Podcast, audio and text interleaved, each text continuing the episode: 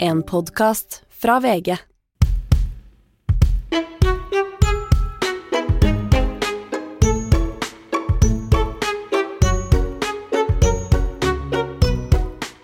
Hei til deg som hører på. Først så må jeg bare si det at denne episoden her, eh, så mangler det én av oss to. Eh, Vegard er på ferie i Frankrike. Og denne uka så blir det heller ingen vanlig episode. Denne episoden her, det skal handle om det, ja, egentlig det vi som nasjon opplevde natt til lørdag. En gjerningsmann gikk til angrep på utestedene London pub og Per på hjørnet, et angrep hvor vi mista Kåre Arvid Hesvik og Jon Erik Isaksen, og 21 andre ble skadd. Gjerningsmannens motiv har vi enda ikke fått vite, men det som det ikke er noe tvil om, er at dette var et angrep som i stor grad ramma det skeive miljøet. Og dette skjedde under Oslo Pride. 50 år etter avkriminaliseringa og få dager etter et knallhardt lovforslag mot homoterapi. Jeg følte at vi hadde så innmari mye å feire. Jeg har snakka med utrolig mange, og jeg har kjent på en tornado av følelser. Og sjøl om angrepet gjør at veldig mange av oss føler på en enda større følelse av utenforskap og ensomhet, så har jeg kjent at det hjelper å snakke om det og dele erfaringer. For som jeg har sagt før, det som ikke dreper deg, det gjør deg ikke nødvendigvis så innmari mye sterkere, men det hjelper å prate om det. I dag skal du få høre historier fra lytterne som forteller hvordan de hadde det natt til lørdag, og hva de tenker nå. Fra noen som var der, fra dørvakta som overmanna han, fra en prest og fra andre som satt hjemme, langt borte og var livredde. Og de er egentlig fremdeles livredde. Vi skal også snakke med kultur- og likestillingsminister Anette Trettebergstuen, og vi skal prate med psykolog Katrin Sagen. Hun skal kanskje gi de av oss som nå føler seg litt ekstra aleine og redde, noen mentale verktøy. Ikke for at nødvendigvis det skal gå bra, men kanskje det kan hjelpe oss til å føle oss litt bedre. Hvis du hører på det her den dagen podkasten kommer ut, så har det snart gått en uke. Jeg prøvde å skrive noe om det i etterkant, men jeg fant ikke helt orda.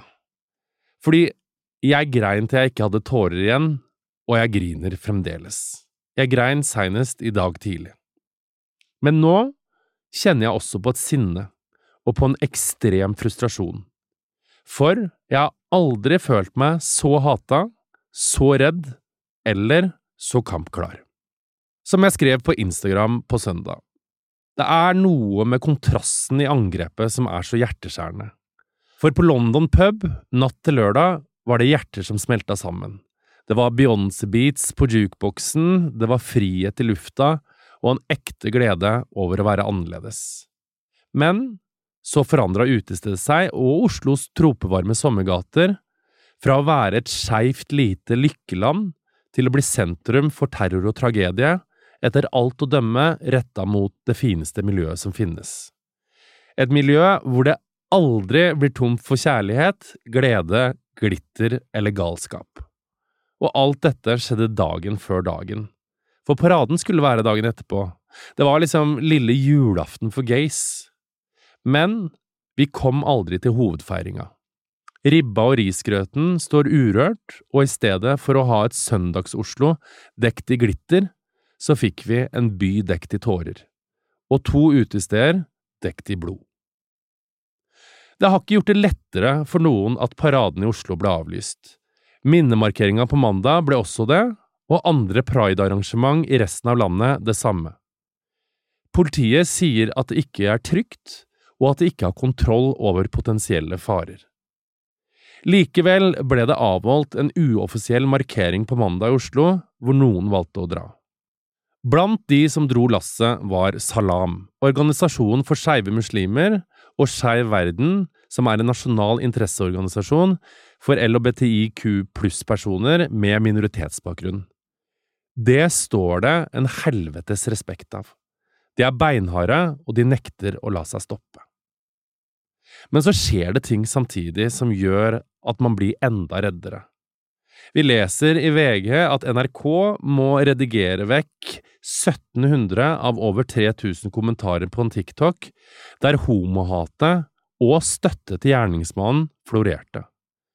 Voksne og barn var de som skrev. Lokalaviser må gjøre det samme, og i nettets kriker og kroker sitter det ekkokammer og applauderer angrepet, og de frykter skeive som pesten. Jeg skal ikke late som, for min del så blir jeg paranoid. Og det river hjertet mitt i fillebiter at det sitter unge mennesker der ute nå som kanskje vurderer å fortelle noen om hvem de er, og så ser de at verden ikke liker de. Folk ble ikke bare skutt på utestedet på lørdag. Folk blir også nå skutt tilbake i skapet, skammen og ensomheten. Jeg velger å holde fast på tanken om at hatet ikke er så massivt som det nå kan virke. Kanskje er grunnen til at det nå virker så stort kontra før, er at alle er sin egen redaktør, og alle har sin egen plattform. Alle føler seg pliktige til å skrive kronikker og mene alt de tenker. Men jeg tror de fleste heier på oss og elsker oss, og kanskje enda mer nå enn før. Jeg hadde flere venner som var der. Mannen min var 50 meter unna, og de som var der, en av de så gjerningsmannen angripe, den andre måtte kaste seg ned idet han bestilte en øl, og den tredje ble skutt i skuldra. Men det er ikke hvor mange vi kjente møtte på utestedene eller hvor nærme vi var, som utgjør hvor mye vi kan føle. Alle har rett til å føle like mye, for dette angrepet her, det var et angrep på oss alle. Jeg hater det her, for det fins ingen fasit inni huene våre nå. Men jeg tenker at rundt følelsene våre så har vi en fasit, og det er alt er lov. Sinne, redsel, raseri, tårer, angst og mørke. Til og med glede er lov å kjenne på. For kanskje føler du nå en glede over at du føler at det er et større samhold og større aksept midt i alt det mørke. Det er også lov. For glede og sorg går ofte hånd i hånd. Snart skal du få høre historier fra lytterne om hva de tenker, og hvordan de hadde det. Etter det skal du få noen råd fra Katrin Sagen, som også er min psykolog og for ordens skyld er på samme management. Men først skal vi ta en prat med kultur- og likestillingsminister Anette Trettebergstuen, som kanskje kan hjelpe oss å sette ting i perspektiv.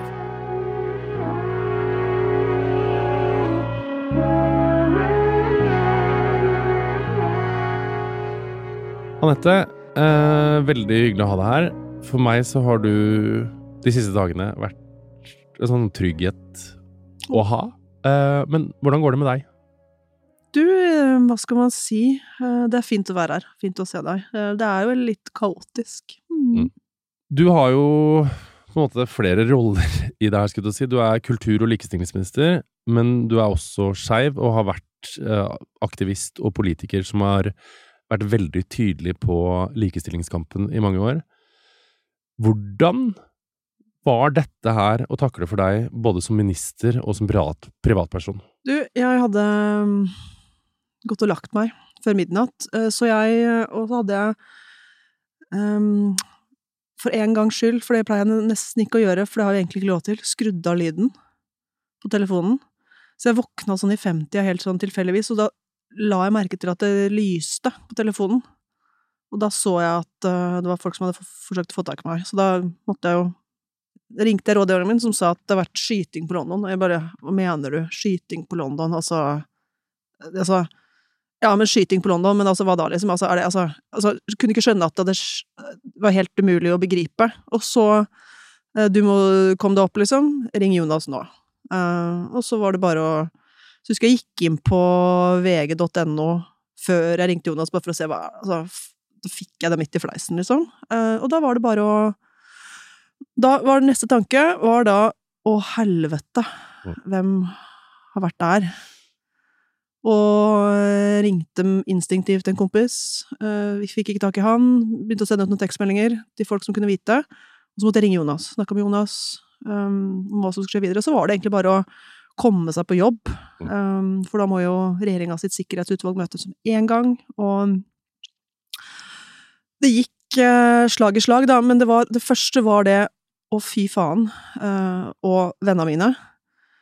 Så tok det noen timer før jeg egentlig klarte å tenke på det i et større perspektiv, at nå har dette skjedd.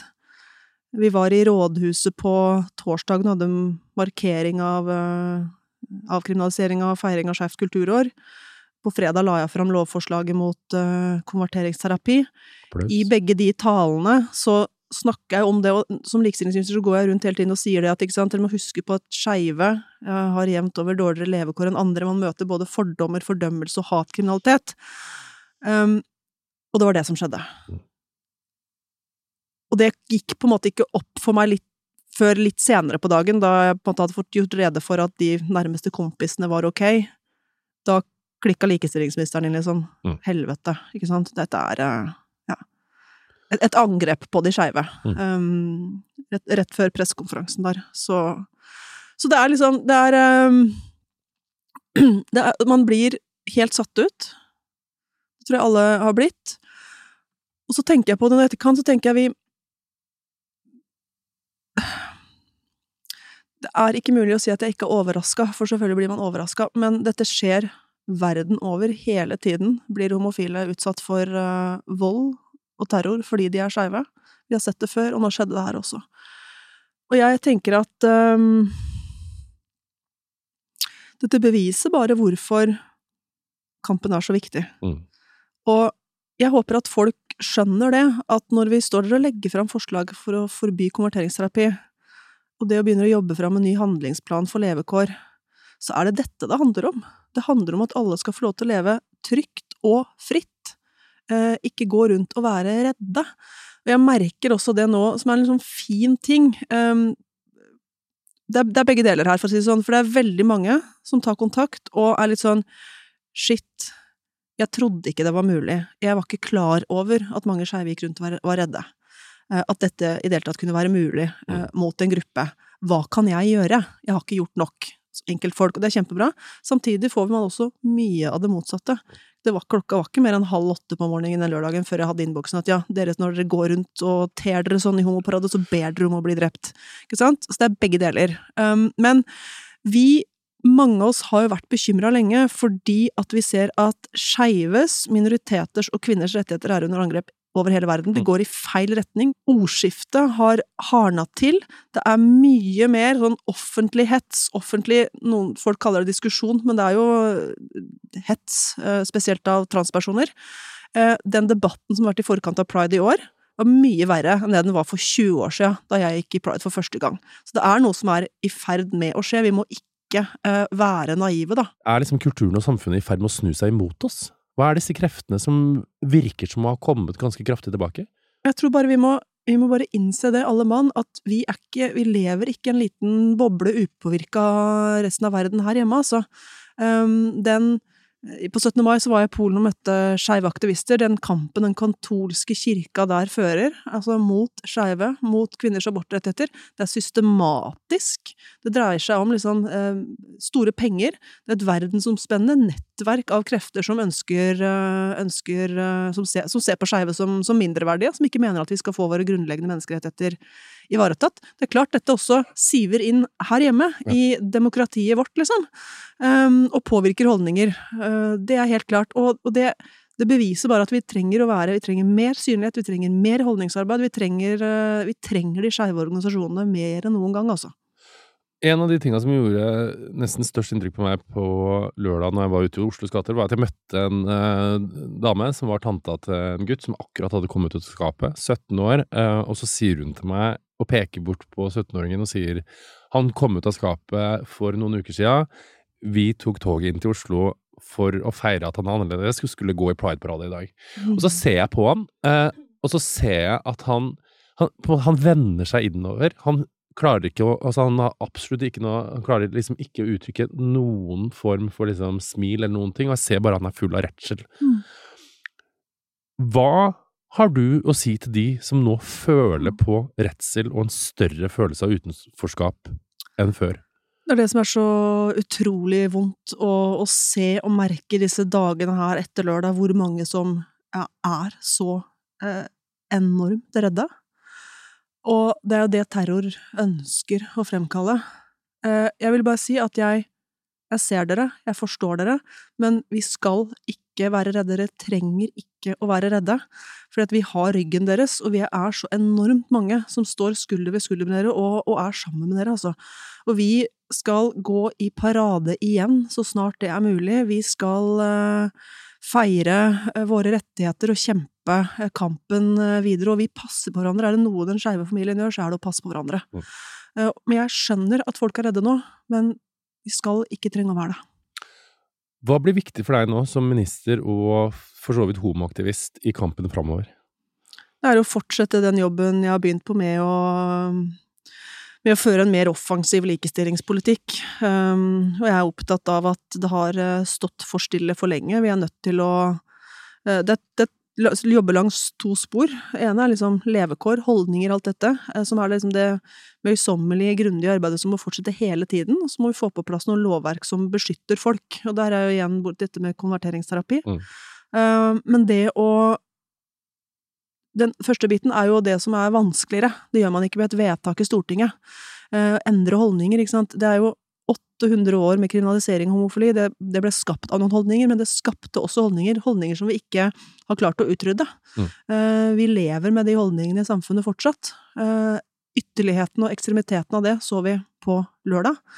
Um, så det, det, det, må vi bare fortsette, um, fortsette med, og, og da er jeg opptatt av å ikke sant, Alt fra gi mer støtte til de organisasjonene som hver eneste dag der ute hvor folk jobber og bor, som snakker med skoleungdom, som snakker med helsepersonell, lærer opp politifolk i hvordan omtale oss eller helsepersonell, ikke sant? Organisasjonene, de som frivillig bruker av tid, sin tid og sine krefter på at vi skal få det bedre, de må få muligheten til å gjøre mer, da. Mm. Og så har det også vært en eh, god del snakk om, som du også nevnte her, det har vært mye kritikk av pride i forkant av årets uh, pride-arrangement. Mm. Uh, og så har det vært diskusjoner i ettertid om uh, disse diskusjonene, alle disse meningsytringene som går på negative, ne negative kommentarer rundt pride-bevegelsen og skeive, har vært med på å gi hatet vinger å fly på. Men hvor, liksom, hvordan skal vi klare å finne balansen mellom å tenke at For det skal jo ikke være en hellig kuler som ikke skal kritiseres, mm. kontra liksom det å gå for langt. Hva tenker du i forhold til ytringsansvar og ytringsfrihet rundt de skeive? Jeg har vært åpen skeiv i snart 20 år, og derfor liksom vært opptatt av pride i 20 år. Og man har alltid diskutert politiske paroler, eller hvem som skal gå først, eller hva pride skal være, ikke sant? Eller Skeive dager, som det het på den tida. Man har alltid hatt de diskusjonene. Ja. Eh, det som er nytt nå, ikke sant, at det har flytta seg inn i en annen type offentlighet, for at vi har sosiale medier, mm. vi har du kan uvitende og litt eh, provosert på, med ett tassetrykk får du ut meningen din, ikke sant? Så, det som på en måte var mer skjult før, tror jeg, um, er der ute nå. Mm. Uh, så det er eh, en kjensgjerning at, at ordskiftet rundt pride nå er hardere enn noen gang, men vi ser at ordskiftet rundt trans, eh, LHBT pluss eh, kvinners rettigheter, alt, eh, mm. er mer tilspissa nå. Mm. Og det tror jeg handler om internasjonale trender, som sagt, og det er heller ikke vi fritatt for. Da. Selvfølgelig skal man kunne mene noe om Selvfølgelig skal man kunne mene noe om hvorvidt skolene skal flagge eller ikke, liksom. Jeg syns det er en no-brainer, men altså, det, selvfølgelig skal du kunne mene noe om det. Men men det er noe med liksom måten ting eh, kommer fram på nå, som ikke bare er liksom politisk diskurs, men som er direkte altså personangrep, eh, hets, da. Men der igjen er vi inne på det at ikke sant, eh, veldig, veldig mange av de unge, spesielt jenter, ønsker ikke å delta i det offentlige ordskiftet fordi netthetsen florerer. Mm. Vi snakker jo masse om de skeive, men veldig mange av de som hører på her nå, identifiserer seg som heterofile damer. Eh, hva Og heterofile menn, for så vidt. det er ikke så mange av de som hører på podkasten, men noen er det. Eh, hva kan de gjøre? Du, det som er så bra, er at uh, vi kan alle gjøre noe nå. Uh, så, så, alle bør gjøre noe nå. Altså, for det første så tenker jeg at man må uh, si fra hvis man ser noen som blir eh, behandla dårlig, utsatt for enten netthets eller mobbing i skolegården eller på arbeidsplassen. Hvis du ser noen som eh, ser ensomme ut, snakk med dem. Um, altså stå opp når du ser at eh, urett blir begått. Det er, veldig, det er veldig fint, syns jeg, for jeg har fått så mange henvendelser siste uka nå av folk som er sånn mm, du, den boka du skrev, lurte på om du kunne få kjøpt den, for jeg, jeg, kjenner at jeg har egentlig ikke brydd meg så mye om disse tingene, men nå ønsker jeg å lære litt. Så sier jeg, du, det er kjempefint, jeg tenker også at sånn generelt, folk må ikke være redd for å spørre. Hvis du ikke skjønner helt de LHBTIQ pluss alfabetgreiene som du kanskje går litt stokk om, hvis du ikke skjønner helt hva trans er, spør.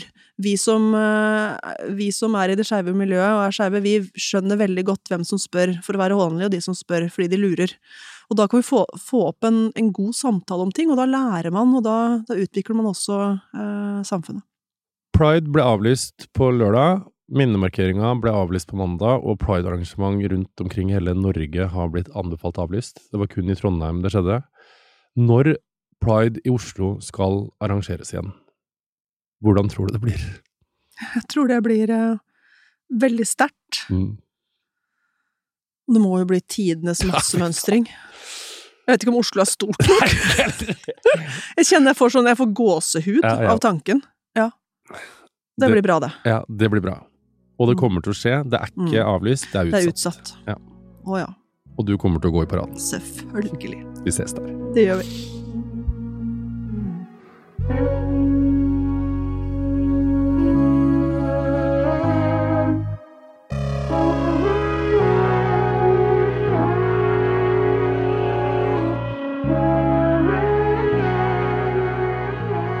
Jag står ju på Elskers utområde. Eh, för, ja, jag ska gå in liksom till eh, klubben. Då. Eh, och när jag kommer ut på gatan eh, så hör jag ju skott som avlöses idag. Och då ser jag ju åt den riktningen som skotten kommer ifrån. Och då ser jag också den här mannen som står med pistolen i handen. Då. Jag ser att folk springer och lägger sig ner på backen. Och jag vet inte om det var att jag såg att han sköt någon där liksom som fallit ner eller om de spelar döda. Det var nog bägge delar. Eh, men da forsto jeg i alle fall fort at det var allvarligt. Eh, så da er jo min første instinkt å løpe fram til den här mannen for å, å ta ham, så klart. så at han ikke kan skada flere människor. Og da ser jeg også at andre börjar å framåt. framover mot den här mannen. Eh, ser også at ja, det er en eh, som sparker ned mannen i backen. Och så er vi flere som liksom kaster oss over han. En får jo vekk pistolen og den andre liksom... Ja, vi håller fast han allihopa. Og alle kjemper jo for livet liksom for å ha kvar han liksom så at han ikke kommer åt noen pistol eller noen ting. og ja, så ser jeg at det er en til väktare der, og da spør han liksom, du hva er det som sker här? Och då säger han att eh, han har eh, skjutit massa folk på London. Han har drept mennesker. Og da får jeg liksom helt kalla kårer i hele kroppen. Og da ser jo den här mannen meg i øynene. Han stirrer jo rett inn i min sjel, liksom. Så jeg stirrer jo tilbake og liksom gir han blikket om at vi, vi har faktisk vunnit over deg. Nå nu kan du ikke skada flere folk. Uh, och det var ganska skönt. Jag har ju mött den efterpå då. Eh, som, uh, han ena som var med och liksom tog bort pistolen. Han sa också att det var väldigt skönt att liksom få liksom, ha han i backen och visa att du, vi vann över dig. Då. Och det var en ganska god känsla mitt uppe i det hela. Liksom. Vi var såpass mange liksom, som hade kontroll över mannen så var ju politi på plats extremt fort. Eh, men jag löper ju till Elske då, möter eh, ja, eh, chefen där, ägaren för att få hjälp med att ta in alla folken. Så jag skriker till honom, du måste få in folket, det är skjuting. Så han og och alla andra väktare som är på Älskare hjälper till att få in folket. Vi stänger ju dörrarna och allting. Och efteråt så, så hjälper jag ju till å liksom ta hand om alla som är chockade och är ledsna och allting. Och liksom, det blev en så sjuk stämning. Och det har det varit liksom under hela helgen efteråt också. Det har varit sån stämning överallt. Alltså, man har liksom visat at vi står fortsatt på og liksom vi, Kjærligheten overvinner allt. Och man ska få älska vem man vill. Eh, det är liksom inget mer snack om saken.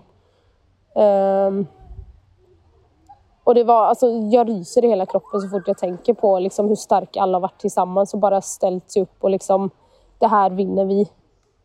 Uh, och det är så sjukt fint att se. Uh, och, ja. Efteråt så har man ju varit skärrad och rädd såklart. Man har mått uh, lite dåligt. men med psykologisk hjelp og professionell hjelp så, så kommer det jo å bli bra da. Så klart.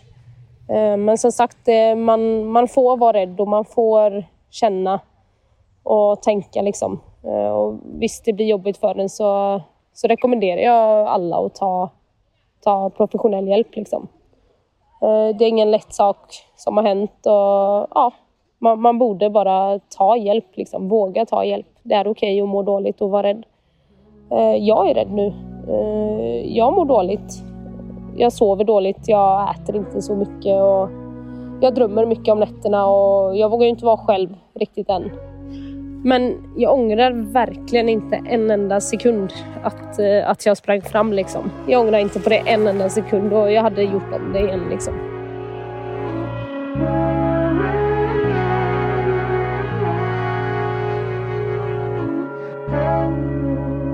Hei, Morten og Vegard. Petter Dille her. Det er veldig vanskelig som homo å ta inn over seg at noen skyter mot steder vi hører hjemme, fordi de vil skyte oss. Det ser i hvert fall ut som at det har liksom vært målet, og det er litt Jeg har liksom vært jakta på mange ganger. Altså, jeg har liksom løpt gjennom gata både her og der, skal jeg si, fordi folk ikke har likt at jeg var homo. Mer, mer før i tida, Det er kommet av skapet for sånn 20 år siden, enn enn nå, og kanskje mer i utlandet også enn i Norge. Men nå, nå løp folk i gatene i Oslo i 2022 fordi noen ikke ville at de skulle finnes. Og på en måte så føler jeg at det bekrefter liksom det jeg har følt. At liksom, ja da, mange syns det er fint at du er litt annerledes, men du skal ikke være for annerledes. Og på den andre sida så kjenner jeg at jeg blir jo redd, da, fordi så må jeg liksom følge med litt ekstra må jeg være litt sånn forsiktig med hvordan jeg kler meg, eller med hvordan jeg Om jeg er fysisk ved kjæresten min i offentligheten, om jeg kysser eller om holde hender, eller Og jeg kan jo velge disse tingene. Veldig mange i den skjeve bevegelsen kan ikke velge det. Det er ikke en mulighet for de å, å skjule det sånn som det kan være for meg, bare ved å ja, ta meg paljettkappa, fjerne neglelakken Sånne små ting. Så kan jeg se tilsynelatende ut som en del av majoritetsbefolkninga. Men jeg har ikke lyst til å skjule meg heller, da. Men jeg kan. Jeg føler liksom at det kanskje nå først når det begynner å bli tirsdag og onsdag, at jeg har liksom hatt tid til å sette meg ned litt og prøve å finne ut hva dette betyr. Eller hvordan det føles, og hva jeg liksom ja, tenker om det. Jeg tror kanskje jeg blir også litt sånn Jeg har mange sterke følelser, men jeg, jeg jeg blir liksom litt mer stille på et vis. Eller jeg blir liksom Jeg har ikke så ekstremt sterke meninger, hvis du skjønner. Jeg syns det er kjempekjipt at ting blir avlyst, og at vi ikke kan møtes sånn som vi vil. Men så blir jeg også litt sånn Ja, ja, men politiet sier det. Da tenker jeg at det er naturlig å følge det, og så Jeg vet ikke. Jeg blir kanskje litt sånn usikker. Jeg er, litt, jeg er redd for at jeg er feig, da. Eller liksom at jeg er naiv. At det er noe liksom jeg ikke forstår. Så er jeg ganske sliten. Og så er jeg ganske lei meg. Og så prøver jeg å finne ut hva dette betyr. Men jeg er jo veldig optimistisk òg, da. Jeg tenker jo den neste neste paraden, om den blir om noen dager eller uker eller måneder eller om et år for den saks skyld, skal bli større, sterkere, Eh, full av fine folk. Uansett kjønnsidentitet og seksualitet, så skal vi på en måte ta gatene tilbake. Vi skal feire at mennesker er fine, og at alle fortjener å være seg sjøl. Det skal bli fint å elske og danse og le og feire og juble og strekke hendene opp i været og si happy pride. Takk for at dere er dere. Håper det går bra med dere også.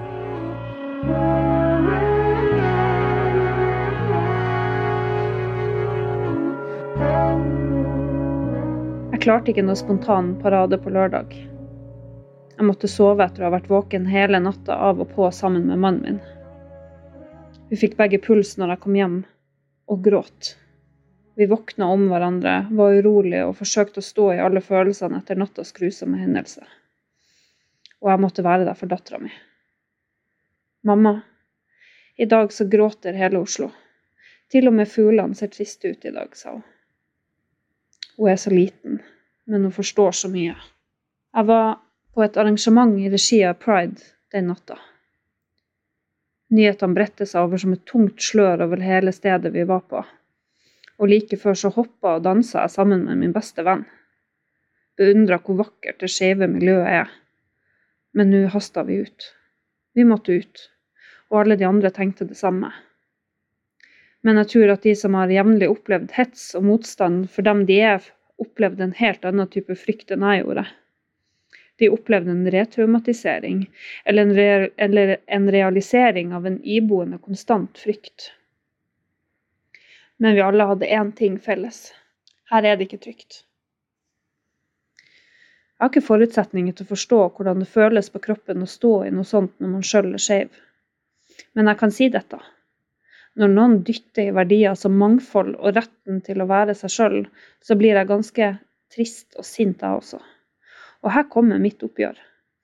Trossamfunn må stå opp for disse samme verdiene. Høyreradikale, kristenkonservative, islamister og andre konservative trossamfunn, ja, de har et felles trekk. De forakter det som ikke er konservativt, og victim-blaming er en stor del av dette. De skulle ikke ha ropt så høyt. De skulle ikke ha ropt så lenge. Jeg tror jeg snakker for mange når jeg sier at ropingen har så vidt begynt. Og vi har hittil ropt stille. Bare vent på hva som kommer.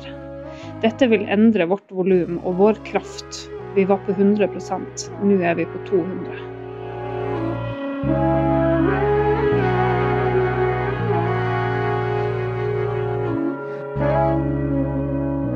Mitt navn er Bård Nylund, og natt til lørdag 25.6 så var jeg utafor London pub, bare noen meter unna, når en mann begynte å skyte. Jeg var heldig å komme i sikkerhet og slapp unna fysiske skader. Og jeg tenker masse på de som ble truffet av kulene, og som ikke lever mer, eller som ble skada og ligger på sykehus. Jeg kan kjenne på at min kropp har vært gjennom en traumatisk opplevelse nå når det har gått noen dager etter episoden. Jeg kan kjenne på helt fysiske utslag, og selvfølgelig så tenker jeg ganske masse på det som har skjedd. Jeg prøver så godt jeg kan å snakke masse om det med vennene mine, med kollegaene mine, med familien min, for å snakke meg gjennom det om igjen og om igjen og om igjen. Og jeg håper alle der ute som kjenner på en redsel, enten de var på London eller om de ikke var der i det hele tatt, men som kjenner på en redsel, på en frykt, på et ubehag. At dere snakker høyt om det til de dere har rundt dere. Dette er noe som ramma oss alle sammen. Og det er lov til å være både bekymra, redd og lei seg, sjøl om man ikke fysisk var til stede akkurat den dagen. Mine bekymringer handler om den offentlige samtalen og diskusjonen som skal komme i tida framover. Jeg er redd for at den skal bli mer polarisert enn den har vært. Og det har jo vært en debatt som har vært polarisert nok i utgangspunktet. Og så er jeg bekymra for at folk skal bli redde, eh, både med og uten grunn. Eh, og så har jeg mest av alt lyst til å klamre meg til håpet om at ingen er fri før alle er fri, og at en dag så vil det skje.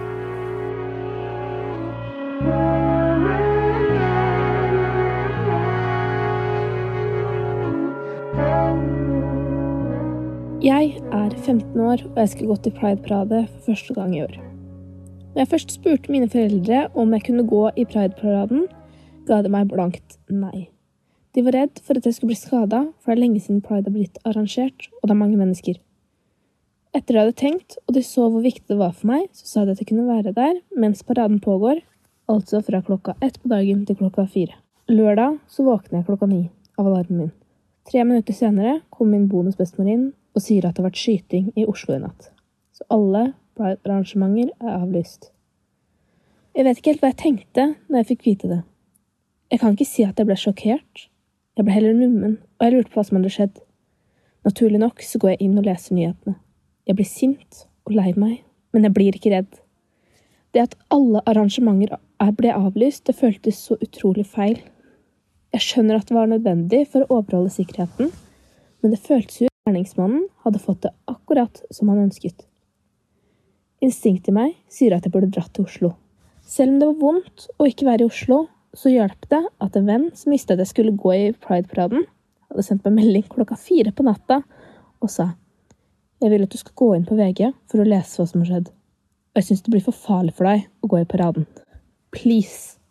Jeg vil ikke at du skal bli skada. Jeg skulle gjerne vært i Oslo den dagen.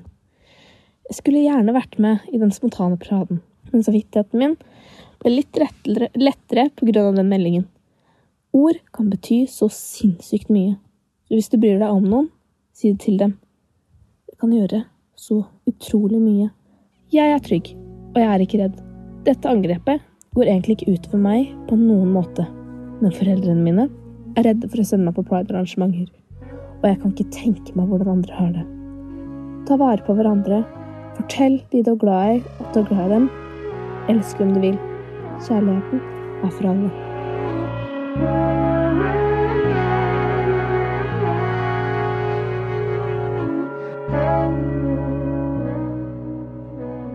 Hei, uh, mitt navn er Ruven, kommer fra Tromsø. Uh, hva, skal jeg si? Man sitter jo på en måte og er litt tom for ord. Så det er vanskelig å vite helt hvor man skal starte. Um, jeg synes pride er den viktigste signaleffekten vi kan sende ut til folket for å bevisstgjøre medmennesker om at ja, vi fins. Ja, vi er skeive mer enn kun én gang i året. Og siden jeg var tenåring i Tromsø og ble møtt med hat hver dag på skolen, så har jo verden blitt en mye bedre plass for de, for de skeive. Uh, men det her forandret seg jo litt på lørdag. Uh, jeg hadde en del venner av meg som ville ha meg med på, på London. Og rundt halv ett var jeg, var Cirka halv ett var jeg bort, bort med London og så køa. Og den var altfor lang, så jeg bestemte meg bare for å dra og spise burger og dra hjem og slappe av. Det var først når jeg kom inn døra hjemme at jeg begynte å få meldinger på forskjellige sosiale medier om jeg var OK. Og ja, jeg bare skrev ja, ja, men jeg orker ikke å stå i kø. Og så kom det både snaps og videoer fra innsida av London, og eh, de bildene kommer jeg aldri til å glemme. Jeg føler liksom at det å snakke om det her er veldig tungt fordi jeg var ikke der. Og jeg føler jeg får dårlig samvittighet av å på en måte spille et slags offer for den handlinga som skjedde på fredag. Men når man er i den situasjonen som man er i, med den legninga man har, så går det veldig Jeg vet ikke, men det eneste jeg vet, er at de som var på London, de skal ha kred for den styrken de har vist etterpå. Det at de klarer å gå ut igjen dagen etterpå og elsker å kose seg og ha det morsomt. Og, og nyte kvelden og ha det artig og vise at fuck off, det her er, det her er vår helg. Det, det, det syns jeg er helt fantastisk. Bare tanken på at jeg kunne vært der, og jeg var nærme på å være der, gjør meg å høre de historiene, så eh, det går ekstremt innpå meg det har vært noen tøffe dager, og, og jeg har helt kobla meg ut av, av, nettet. Jeg er på Instagram, jeg er litt på Facebook, bare for å snakke ut Snakke tilbake til de som hater. Fordi vi kan ikke la dem få ha fritt spillerom på internett eller på Facebook. Vi er nødt til å, si at hei, det her er ikke greit. Rapportere det til Facebook. Rapportere det til Nettpatruljen i Oslo. Kanskje du ikke hører fra dem, kanskje du ikke føler du blir tatt seriøst. Så blir alt registrert. OK, jeg skal gi meg nå. Eh, takk for at jeg fikk lov til å fortelle min historie.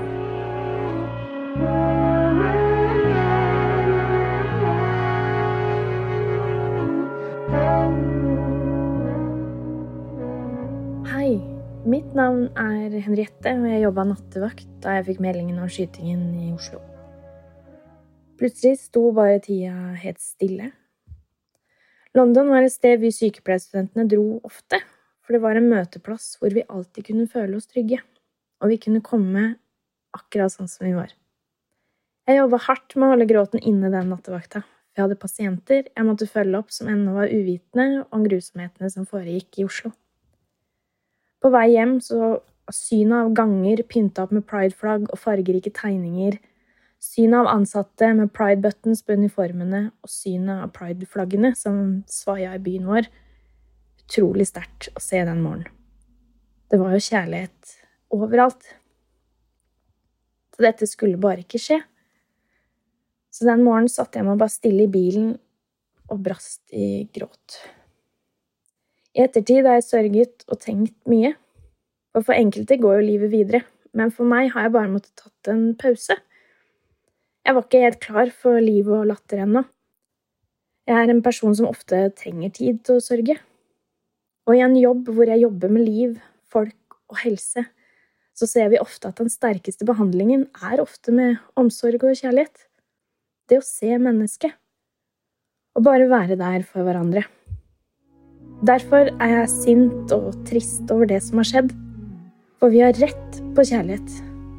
Vi har en rett til å bli sett og få være de vi er.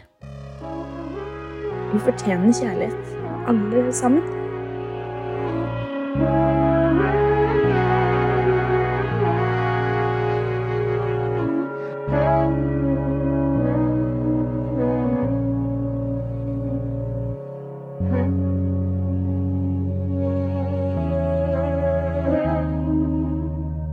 Katrin, eh, du har jo redda både ekteskapet mitt og mitt eget hue flere ganger. Eh, men nå er vi ikke her for å snakke om mine problemer. Eh, akkurat nå så er det veldig mange som føler seg ganske redde. Mm. Og kanskje på sånn enda større grad av utenforskap enn hva de føl følte før. Mm. Mm. Hvorfor det, tror du? Så så gjennomgripende, det som har skjedd, for det treffer liksom helt inn i identiteten av hvem jeg er, og vi er sammen, at den gruppen som på en måte har holdt seg sammen og kjempet sånn for retten til å overleve, på en måte, har blitt angrepet, og da er det en for alle, alle for en. Da mm. kjenner vi oss samlet angrepet, og det er, vi jo også, på en måte. Sant? Og den der sånn følelsen av For jeg, veldig mange jeg snakka med, er sånn Det er liksom to ord som går igjen, som jeg sa nå. Det er liksom utenforskap. At du føler enda større distanse til de andre, hvis de er mhm. skeive. Mm -hmm. Og så er det på liksom På redselen, liksom, for å liksom At folk sånn Jeg føler meg ikke trygg. Mm. Det er jo et veldig stort spørsmål, men for de som kjenner på disse følelsene nå, som psykolog, hva bør de gjøre?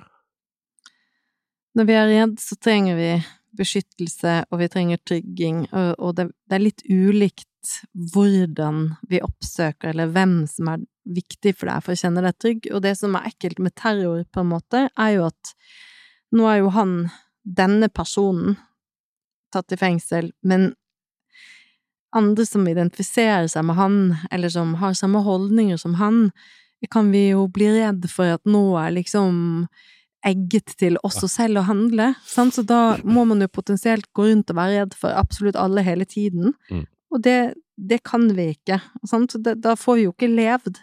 Hva kan, hva kan, frykt gjøre med oss? Ja, nei, Det kan jo hemme oss helt. sant? Vi kan visne helt, og vi kan, vi kan, det kan virkelig hemme oss fra å leve livet.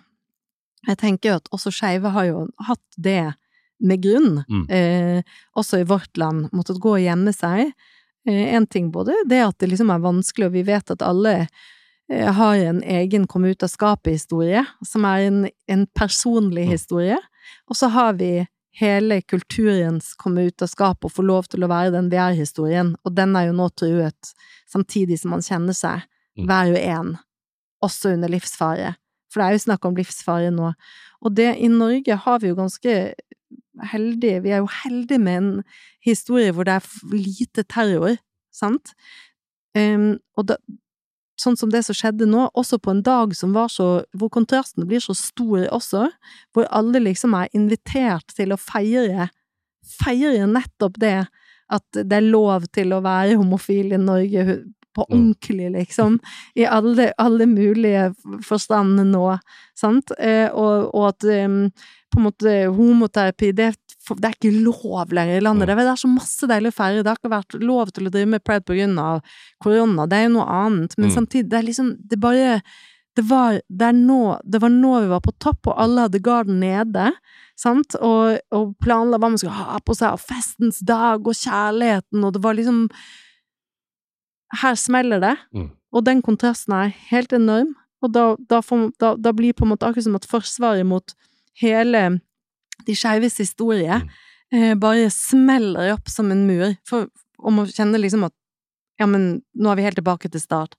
Det er jo heldigvis ikke sant at vi er helt tilbake til start, men det er ikke så rart at det kjennes sånn. Og så er det jo litt sånn når noe sånt skjer, så reagerer kroppen og huet på forskjellig vis. Og så er det jo, nå nevner du jo skeive her, men så er det også veldig mange, veldig mange av de som hører på denne podkasten her, som ikke nødvendigvis identifiserer seg som skeiv, Mm. eh, men som backer og heier veldig på miljøet, Mm. og føler veldig mye rundt det som har skjedd. Mm. Og så kan kanskje de gå rundt og tenke sånn Ja, men dette her er jo egentlig ikke min sorg, og så plutselig begynner man å skamme seg litt over for at man måtte, i hermetegn tar sorgen til noen andre. Mm.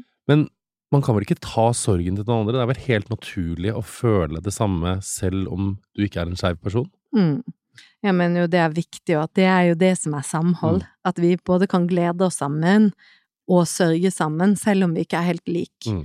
Og, at, og at det handler om mennesket, tross alt. Det handler jo om retten til å eh, beskytte mennesket eh, og våre medmennesker, venner og eh, ukjente venner, eller hva man sier. sant? Og at det, og at det er og at det er klart at de som sto midt oppi det, er jo en egen posisjon fordi at de var der. Så det er noe sånn nært traumatisk ved å være der, eller være i familie med de som var der, eller mistet livet, som ble drept. Eh, så, så men, men det er ikke sånn at andre ikke har rett til å sørge eller være like redd. Det kan vi være. Mm. Sant? Og hvis du også kjenner på at du ikke er så redd, Mm. så er det også en reaksjon. Vi får masse, masse forskjellige reaksjoner eh, når, når sånne hendelser som, som dette Det er et veldig godt poeng, fordi eh, noen griner jo non stop eh, og føler veldig mye. Eh, Hilsen meg Mm. sjøl. Mm. Men så er det også noen som, måte, som du sier, som ikke nødvendigvis føler så mye beredsel, som ikke helt klarer å eh, Eller som ikke, ikke klarer, eller, men som ikke tenker at dette her på en måte eh, rammer de så sterkt. Mm. Og det er ikke det samme det som å være kald. Nei, det kan jo kjennes likt, sant? Jeg kan, jeg kan kjenne på meg selv at jeg kan jeg kan bli så, på en eller annen måte så berørt av det at jeg blir helt nummen, og så føler jeg ingenting. Og så tenker jeg yes, men dette her, sånn må det skje i verden, eller noe sånn. Som jeg kjenner samtidig som jeg tenker det, dette her mener du ikke, Katrin. Hva er dette her? Dette her er umenneskelig. Mm. Eh, og samtidig så er det som at det kjennes sånn fordi at det blir for mye. Det blir så vondt at jeg nesten ikke klarer, skjønner hvordan jeg skal liksom ta det inn over meg. Og så må du få lov til å komme i litt stykkevis og delt. Sant? Men, men som du sier, at noen kjenner det med en gang, og, og liksom går rett inn i, i følelsen og lar seg fylle av den.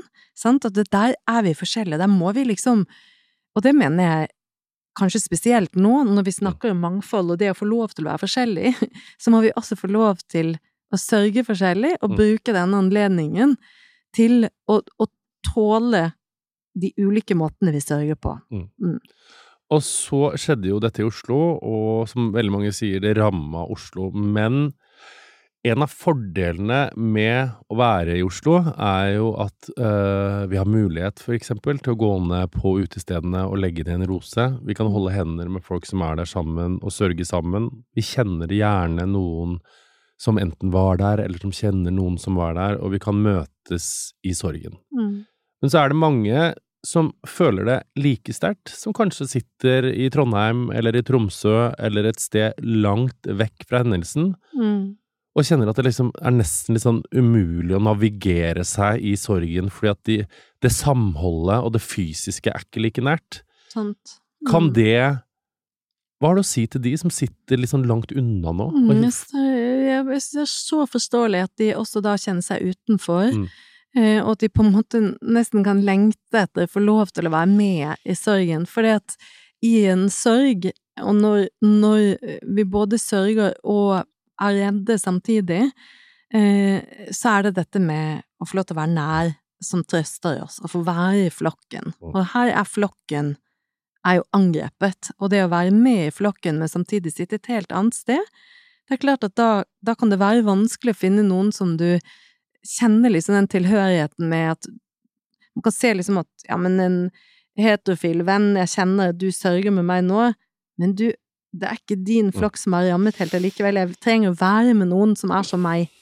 Eh, sant? Så for, for noen kan det være veldig viktig å få lov til å reise ned, eh, selv om man ikke, kanskje ikke kjenner noen i Oslo, men bare få lov til å være der og på en måte koble seg på den mengden av mennesker som samles her, uansett om du på en måte er heterofil eller hva du, homofil eller hva du er, hva du identifiserer deg med eller er, eller sant? Så det å rett og slett Det som kan være et lite råd fra deg, hvis de har Mm. mulighet, er å kanskje ta seg en togtur eller en busstur eller en flytur og komme Ja. seg til Oslo? Og for noen kan det være viktig, og at man ikke da skal skamme seg over at dette er rart, for det er ikke min sorg, eller ta den fra, eller det virker rart, eller nå ble jeg en sånn sensasjonssøker som skal være med på det farlige som har skjedd. Det tenker jeg at eh, jeg skjønner at de tankene eller følelsene kan komme, men koble deg heller på det der at jeg vil ned til min flokk og få lov til å være lei meg sammen med andre, og også kanskje til og med få kjenne at vi står sammen og jeg er med. Ja. Og hvis du ikke vil det, så det er jo dette Det blir jo på den ene og den andre siden. Det er, det er lov til å sørge langt fra også. Mm. Sant? Men det er noe med å liksom ta seg selv på alvor, da, og følge opp det som du kjenner. Hva, hva vil være viktig for meg her nå? For fremdeles så er vi eh, veldig tett på denne hendelsen, og vi bearbeider litt sånn hver og en, men også på nasjonalt nivå. Eh, Og i gruppe på gruppenivå, på en måte. Så det å kjenne etter hva, hvordan vil det være for meg å se tilbake på denne tiden med tanke på hvordan jeg håndterte det, eller hva jeg gjorde, sant? Og da, da er det bedre å reise ned enn å sitte og angre på hvorfor, hvorfor var ikke jeg der og la en blomst, eller hvorfor var ikke jeg der og gråt litt, eller ikke sant, hva man skulle ha behov for. Veldig fint, uh, og jeg er helt enig med deg, fordi uh, jeg og Karoline, som nå er produsent på den podden her, eh, vi snakka om det akkurat hvor stor betydning det hadde, nettopp det å legge ned en rose, det å kunne liksom gå ned dit, så det syns jeg var veldig fint av deg. Og noe av det jeg liker med deg som psykolog, Katrin, er jo at i de periodene jeg har sittet på kontoret ditt og grått, så har du liksom kommet med sånn nå slår du av Instagrammen, nå jogger du deg en tur. Jeg liker veldig godt sånn de rådene du gir meg. Og helt til slutt så tenkte jeg bare å spørre deg, og dette er kanskje litt vanskelig, men egentlig et råd både til Hvis det finnes skeive unge der ute nå som kjenner på veldig vanskelige følelser, og angst og redsel, har du et råd til dem?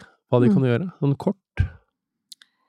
Det blir litt todelt, sant? Fordi at det ene er å tørre å være det du kjenner på. Sant? Og vite at det er noe helt Ikke er normalt. farlig. Det er ikke farlig. Sant? Situasjonen med terror, eller når noen går bananas, og når noen går ut og dreper, det er selvfølgelig farlig. Det, kan, det kommer vi ikke unna. Eh, heldigvis så skjer ikke dette hver dag i vårt land.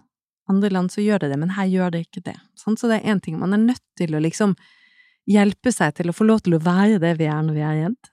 Um, og så må vi løfte oss litt ut av det også. For vi, vi tåler ikke å være det hele tiden. Og det kan vi jo gjøre ved å snakke med noen, være nær noen, få lov til å gråte og bli klemt, bli trøstet, sant? Og så må vi vinne tilbake livet, på en måte. Og det, noen klarer ikke det med en gang. Noen litt, får lov til å bruke litt tid på å liksom samle seg sammen og gå ut igjen.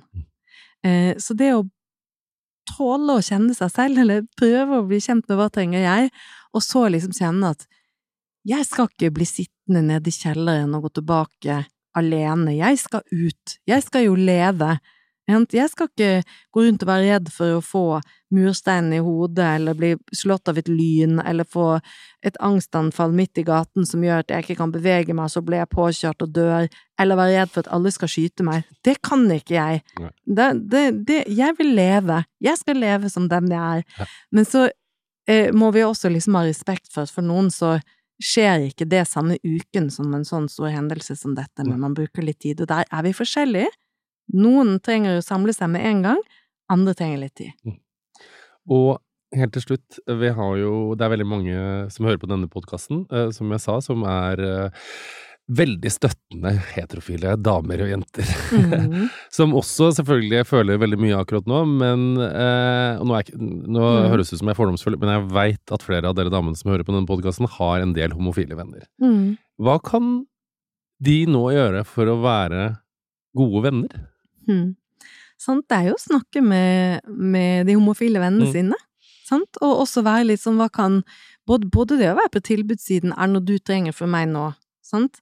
Eller eh, få lov til å være med, selv om jeg er eh, heterofil, sant? Ja. Og få lov til å være med i, det, i sorgen, eller fortelle om sorgen, eller få si at jeg vil at du skal vite at selv om jeg ikke tør å, å være med på markering, så betyr ikke det at jeg eh, ikke støtter, ikke sant? Det gjelder uansett hvilken legning du har, så er det ikke alle man, Det er lov til å være redd nå, og ikke være med i tog. Eh, nå, spesielt nå, og jeg skjønner jo den der utrolig sånn sorgen og frustrasjonen av politiet som i historien har vært ute etter deg, og så på en måte skal være på laget ditt, ikke klarer å beskytte deg, liksom. Hvor utrolig vondt det er, og hvor, hvor, hvordan skuffelsen treffer liksom enda mer i identiteten på en måte hos de, skeive nå i dag. Det, det er helt forståelig, sant? Eh, og, så, samles vi og markerer likevel. Og hvis du er en av de, uansett hvilken legning, du har, som tenker at men det tør ikke jeg, fordi politiet har sagt at vi ikke skal, det må også være lov. Mm. Vi må få lov til å, å liksom håndtere dette på den måten vi trenger. Mm. Men eh, ja, så det er jo liksom Nå er jeg jo psykolog òg, da, så det blir mye prating, men det er jo mye sånn snakke, og hva Fint. trenger du, hvordan kan jeg være hos deg, og hvordan kan du trøste meg også? Man kan jo være en, en heterofil venninne av en homofil mann og si kan du trøste meg også? Enig. Katrin, eh, det at du prater mye er grunnen til at jeg inviterte deg hit, eh, fordi du er alltid klok og full av gode råd. Eh, Takk for at du kom. Takk for at dere hørte på denne podkasten, og ikke minst takk til alle som sendte inn sin historie. Og takk også til kultur- og likestillingsminister Anette Trettebergstuen. Ta vare på deg sjøl. Husk at alle følelser er lov. Det er ingenting som er feil. Og så håper jeg du får en god sommer, og så gleder jeg meg til vi ses i paraden når det en gang blir lov å arrangere pride igjen. For helvete. Det blir en feiring. Hmm. Fuck yeah! Fuck yeah.